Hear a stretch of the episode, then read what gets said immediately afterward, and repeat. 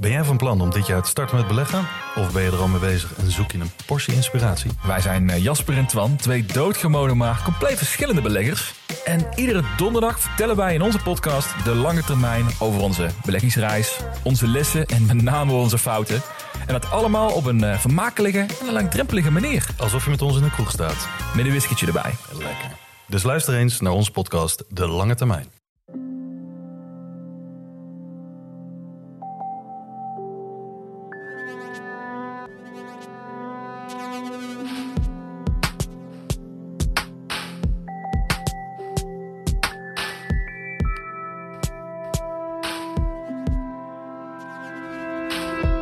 Hey, ik ben Pieter van Relaas. In Relaas vertellen mensen waar gebeurde verhalen die ze zelf hebben meegemaakt. Deze aflevering van Relaas is het dankzij onze vriend van de show, Erik Kelles. Erik die geeft ons elke maand 2,5 euro, een virtuele koffie als het ware, en daardoor bouwen wij aan een hele lange weg, waarbij we deze podcast gratis kunnen houden voor iedereen en er zelf ook nog iets aan kunnen verdienen. Dank je wel, Erik.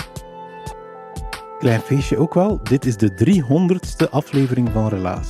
We zijn ermee begonnen in april van 2015 en we zijn niet meer gestopt. Soms is het een paar weekjes dat we gemist hebben, soms is het zomerstop, maar steeds blijven verder doen. En dat heeft ons 300 fantastische Relaas-verhalen opgeleverd. En die hebben we niet kunnen maken zonder de steun van de stad Gent en die van de Vlaamse gemeenschap, zonder het team Relaas en zonder jullie, onze luisteraars. We blijven maar voortdoen zolang dat jullie blijven luisteren. Dus als jullie willen dat we ermee stoppen, stop vooral met luisteren en anders doe net het tegenovergestelde en blijf elke week trouw naar Relaas luisteren. Momenteel zijn jullie met 10.000 per week en daar zijn we nog altijd ongelooflijk trots en dankbaar voor.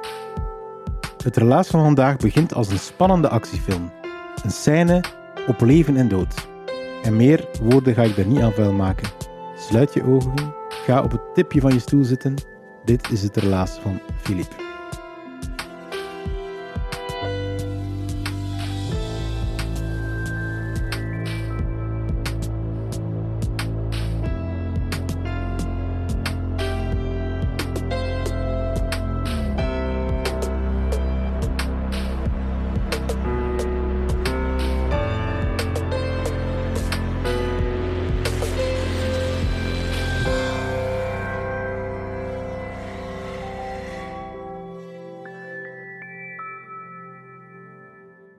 Afkoeling begint. We beginnen te zakken. We hebben niet veel ballast meer, nog zeven zakken. Ronnie en ik kijken naar elkaar en we weten, dit zal het einde van onze reis zijn. We hangen nu op 15.000 voet. Om tot beneden te komen zal het ongeveer 1 tot 1,5 uur duren. We moeten zachtjes zakken, want zeven zakken is heel weinig om van 15.000 voet naar de grond te gaan. We zakken en we zakken en we zakken. De grond komt redelijk snel dichterbij. We proberen de ballon rustig te houden. Niet te snel, niet te snel. We blijven zakken. Ondertussen zoeken we alles samen wat we vinden om eventueel buiten te gooien, mochten die zeven zakken toch niet voldoende zijn. We scheuren alle zakjes eten open, gooien ze in een zak. We zetten de instrumenten op een rijtje, de duurste laatst. We komen dichter bij de grond en we zien nog een rivier, daarachter een rij bomen. En daarachter lijkt het alsof dat er een aantal velden zijn. Oké, daar moeten we zeker naartoe, want voor de rivier landen is geen optie. Het is een beetje moerasachtig, dat gaan we niet doen. We vangen de ballon een beetje op, komen over de rivier, we gaan over de bomen. We hebben nog één zak over, de laatste zak. We moeten nu naar beneden, er is niks aan te doen. We komen boven een grasveld, we lossen een beetje gas, de ballon zakt, we gooien de laatste zak buiten en pa, we staan op de grond. Ronnie en ik kijken naar elkaar, we lachen, we melden elkaar en we zeggen, het is gelukt, we leven nog. Een beetje verder zien we een aantal mensen kijken naar ons, mannen, we zien ze zwaaien naar ons. Ze springen in een pick-up en ze komen het grasveld opgereden tot bij de ballon. Ze stappen uit en de grootste van hen, met zo'n Amerikaanse pet op, zegt: Hi guys, are you okay? Wij heel vriendelijk: uh, Yes sir, we are fine. Die man zegt: Do you know where you are? Uh, we zeggen: uh, No sir. You are in Tupelo, the birthplace of Elvis Presley. Mijn god, hoe zijn we daar geraakt? Ik ben ballonvaarder, al 37 jaar. Ik ga jullie meenemen in mijn verhaal. 37 jaar geleden heeft mijn vader een ballon gekocht voor zijn bedrijf met reclame op. In de streek van Sint-Niklaas is dat redelijk normaal. Veel kleine bedrijven sponsoren ballons om reclame te maken. De eerste keer dat die ballon eh, rechtgezet werd, ging ik natuurlijk meekijken.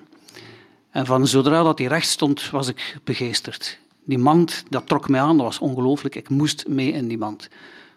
Ik ging mee in de mand, ik ging omhoog. Van als we opstegen, kreeg ik een gevoel, ja, zoals dat je de eerste keer verliefd bent, zoiets. Een kort verhaal, zes maanden later had ik mijn vergunning.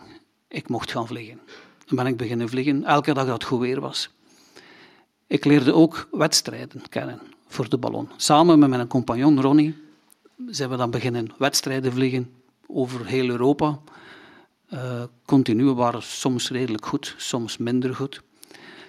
Na een paar jaar leren we via een Duitse piloot, een, een, leren we niet, we lezen een artikel van een Duitse piloot, Willy Eimers, wereldberoemd in de, in de, in de ballonwereld, over de Gordon Bennett.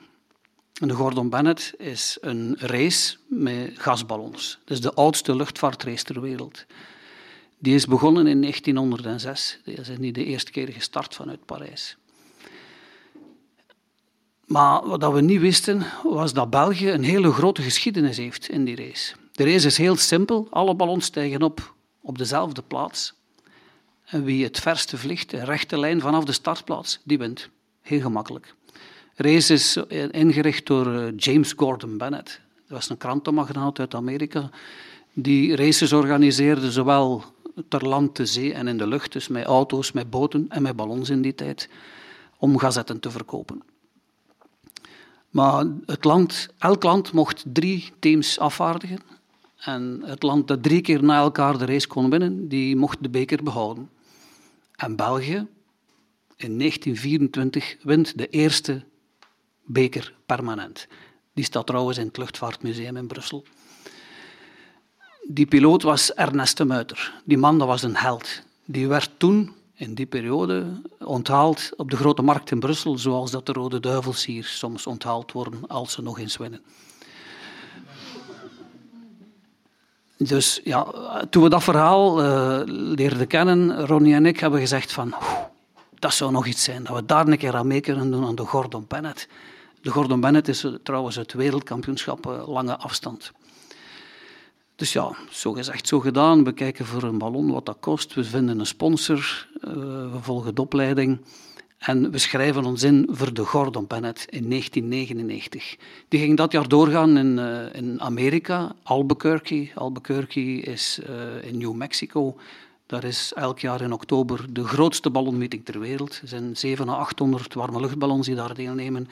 En dat jaar was de Gordon Bennett het moment suprem van de meeting. En wij Belgen gingen meedoen. 61 jaar na de laatste deelname van Ernest de Muiter vlak voor de Tweede Wereldoorlog. Dus we organiseren ons, we hebben heel veel ideeën, we hebben veel plannen. We gaan naar Amerika, we komen daartoe in Albuquerque aan de luchthaven. We, komen, we gaan naar beneden van die trap en rechts van ons, of is links, links van ons, hangen eh, allemaal foto's van de teams van de Gordon Bennett en wij hangen daar ook tussen. Dat was echt een ongelooflijk gevoel zegt, het gaat echt gebeuren nu. We mogen meedoen. We staan daar. We, ja, we, komen, ontmoeten ons team dan in, eh, in de hotelschinder. Uh, hotels, in Amerika is alles heel groot, het is een enorm groot hotel. We hadden ook uh, als enige team, als ook als eerste team ooit, twee weermannen meegenomen. Belgische weermannen. David Degenau, redelijk gekend, VTM-weerman, en Luc Trullemans. Ons team was uh, onze crewchief, Ron, uh, Tony, de chauffeur, en onze twee vrouwen. Dus we schrijven in, er is een briefing. Tijdens die briefing wordt dan de startvolgorde geloot. Dat is ook een, uh, een traditie bij de Gordon Bennett, dat je daar een, een, volgens loterij de startvolgorde krijgt. Waarom is dat belangrijk? Als je als eerste start, kun je niet zien wat er achter je gebeurt. Start je meer naar achter, kun je zien wat het veld voor u doet. Dus wij loten in die eerste wedstrijd nummer vier. Dus we moeten als vierde starten. De start is s'avonds, na zonsondergang. Dat heeft te maken met temperatuur van gassen, maar dat is een beetje te technisch misschien.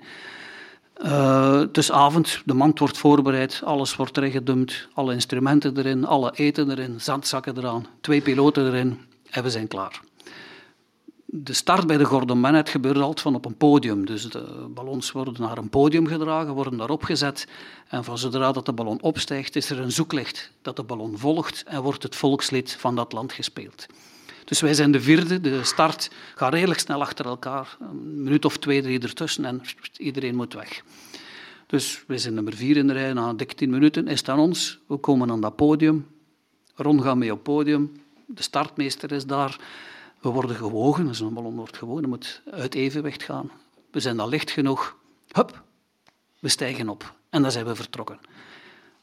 Eens dat we vertrokken zijn en als eh, de tonen van ons volkslied verdwenen zijn, dan wordt alles rustig. We drijven richting Sandia Peak, dat is een berg in Albuquerque, en daar moeten wij over, want wij moeten naar het oosten. Onze weermannen hebben gezegd, je moet zoveel mogelijk naar het oosten gaan om tussen twee slecht weergebieden te blijven. Als je te laat bent, gaat je afdraaien en gaat je minder afstand kunnen maken. Zet je te vroeg of zet je te veel noordelijk of te veel zuidelijk, komt geen slecht weer en gaat je ook redelijk snel moeten landen. Dus wij moeten over die berg. We hebben 40 zakken ballast bij. We zijn één uur verder en er zijn al 10 zakken uit. Dus op één uur hebben we al 25% van onze ballast kwijtgespeeld. Maar kom, we zijn hoog genoeg. We gaan de goede richting uit over die berg. Gaan we verder de nacht in. Geen probleem die nacht. Ronnie gaat slapen. Ik blijf wakker. De zon komt op en ik maak Ronnie wakker. Ik zeg, Ronnie, kijk een keer buiten waar je daar zit. Prachtige zonsopgang het is in New Mexico, dus eh, de, de grond is daar rood, rood-bruine aarde, heuvels in de verte. Echt prachtige zonsopgang. Niet zoals hier, hier zit je overal straten en huizen en steden en zo. Daar is gewoon niks. We varen de dag in, de zon verwarmt het gas in de ballon. We gaan omhoog. We nemen contact met de weermannen en die zeggen ons, je moet nog hoger, je moet hoger, hoger, hoger. Het is hoog te doen. Oké, oké, ja, we zullen dat doen. We gooien nog ballast buiten. We klimmen naar 12.000 voet, dus 4 kilometer ongeveer. We moeten daar zuurstof op zetten en daar blijven wij de rest van de dag. Naar de avond toe schuift er een pak wolken onder ons. De koeling zet in, ballon koelt af en we dalen terug een beetje. We moeten terug een beetje ballast uitgooien. En gaan we de nacht in met nog 15 zakken. Dat is niet zoveel, maar oké, dat zal genoeg zijn om de nacht door te komen. Ronnie slaapt het eerste deel van de nacht rond uh, één of twee uur, ik weet niet goed meer hoe laat, uh, wordt hij wakker. Ik kruip in ons bed, in zo'n mand is een bed, dus aan de zijkant gaat er een klep open, steekt je benen daarin, je ligt neer en je kunt slapen. Ik lig een half uur neer en uh, Ronnie zegt tegen mij, hé, hey, sta ik erop, ze zijn foto's aan trekken van ons. Ik word daar zo half suf, ik zet me recht en inderdaad, ik zie in de verte bliksemschichten. Ah, oh shit. Dat willen we echt niet hebben, bliksemschichten. Ondertussen, we waren dan op 9000 voet gestabiliseerd, gaan we ook 70 km per uur. Zeg, oh, fuck, wat nu? Ja, ehm, we roepen de luchtverkeersleiding op, waar we mee contact staan. En die zeggen, ja, op onze radar zien we niks. Er is geen onweer bij jullie in de buurt. Ja, maar we zien wel die bliksems en hoe kan dat nu? Ja. Allee, we bellen uh, Luc Trullemans op. Ah, Luc, uh, we zien hier bliksems in de mand. Uh, hoe kan dat? We gaan hier zo snel en allemaal die wolken. En is dat wel normaal? Luc zegt, rustig, rustig. Er is inderdaad een onweer, maar dat is 150 kilometer van jullie meer naar het zuiden, dat komt bij jullie niet in de buurt. Jullie zitten goed, houden zo. Oké, Luc. We vliegen verder, het wordt ochtend, de wolken trekken weg. Langzaam trek het weg. De lucht is hemelsblauw, echt prachtig. En de zon duwt ons terug omhoog. De ballon is veel lichter geworden, we hebben weer veel, weer veel ballast verloren en de ballon schiet door naar 15.000 voet. zitten we op 5 kilometer hoog, terug aan de zuurstof. Het wordt namiddag, koelt terug af en plots staan we in Tupelo, de geboorteplaats van Elvis Presley. Dus die Amerikanen die helpen ons de ballon inpakken. We proberen contact te nemen met de wedstrijdleiding om te melden dat we geland zijn. Dat was ook een verplichting. We proberen de, de crew te contacteren, die zijn nog een hele eind van ons. De Amerikanen leggen onze ballon bij hen in de schuur, die brengen ons naar een motel en daar wachten we op de crew. Na ongeveer uh, zes à zeven uur komt de crew toe, helemaal uitgelaten. Oh, en oh, jullie hebben dat goed gedaan. Die hadden, ja, ze hadden meer dan 2000 kilometer gereden om tot bij ons te komen. Uh, ja, fantastisch. Ja, ja. En Ronnie, altijd eeuwig enthousiast, die begint al te springen, want er zijn maar twee ballons niet meer in de lucht. En ja, dan gaan wij waarschijnlijk op podium staan en wie had dat verwacht? En oh, we wilden eigenlijk gewoon niet de laatste zijn. Oké, ja, dat zal dan wel gelukt zijn, niet de laatste. Ik ben iets meer terughoudend en denk van ja, maar ja, we zijn er nog niet, want waar zijn die, al, die anderen allemaal geland? Zijn die misschien ook verder gekomen? Dan wij zijn die nog hoger gegaan? We weten dat niet goed. Maar dus met onzekerheid gaan we maar slapen. We gaan in dat motel, we nemen daar een douche, want we stinken na 43 uur in de mand, dat is niet normaal.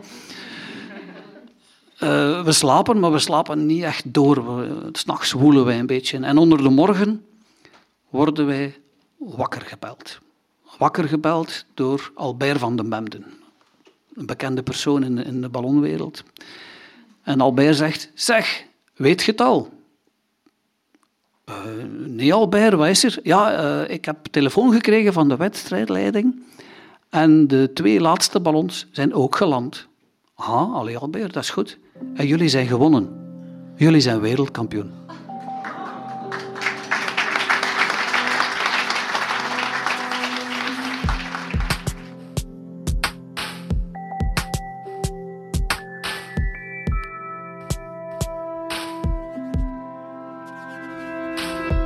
Dat was het relaas van Philippe. Hij heeft het verteld in Husset in Gent.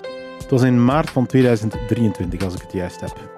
En ik heb in de pauze, nadat Philippe zijn relaas vertelde, nog heel lang staan babbelen met Philippe en ook met zijn compagnon. En uh, zijn vrouw, die was er ook bij. En toen heeft hij mij ook nog een paar foto's getoond van zijn ballon. Het is echt heel vreemd hoe een ballon of zo'n luchtballon er in onze hoofden helemaal anders uit kan zien. Hè? Het verschilt van persoon tot persoon. Ik zat bijvoorbeeld de hele tijd aan zo'n traditionele hete luchtballon te denken, maar zo ziet hij er dus helemaal niet uit. Hè. Het is eerder een lange, smalle, verticale ballon. En veel meer een wedstrijdballon dan uh, die die je ziet op de balloonmeeting in Eeklo bijvoorbeeld. Geloof mij, je hoeft geen wereldkampioen te zijn om te kunnen vertellen bij relaas. Dat mag, maar het moet dus niet. Belgisch kampioen is ook al voldoende. Misschien kampioen van Maldegem of kampioen in eigen huis. Om maar te zeggen, elk verhaal is een relaas waard. Ook al ben je een loser in je eigen relaas, dat kan allemaal hè. Wij, het team van Relaas en de relaascoaches, helpen je om er een pareltje van te maken.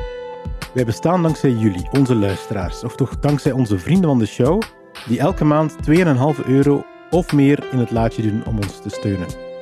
Dat kan trouwens via vriendvandeshow.be slash relaas. En dan krijg je van ons een gepersonaliseerde shout-out in deze show, zoals Erik uh, in het begin van deze aflevering. Je krijgt ook extra afleveringen, die mag je beluisteren via het platform van Vriend van de Show. En je mag ook naar een exclusief relaas komen. Een intieme show voorlopig, maar wij hopen om dat toch over een paar jaar in het Sportpaleis te kunnen doen. Tot dan betalen wij onze rekeningen dankzij de afdeling cultuur van de stad Gent, die van de Vlaamse gemeenschap en van de vele leuke projecten die we met Relaas doen. Dus als je misschien een ideetje hebt om samen met ons relaasteam rond verhalen aan de slag te gaan, dan kan dat ook. Neem dan contact met ons op via onze website. Tot de volgende relaas.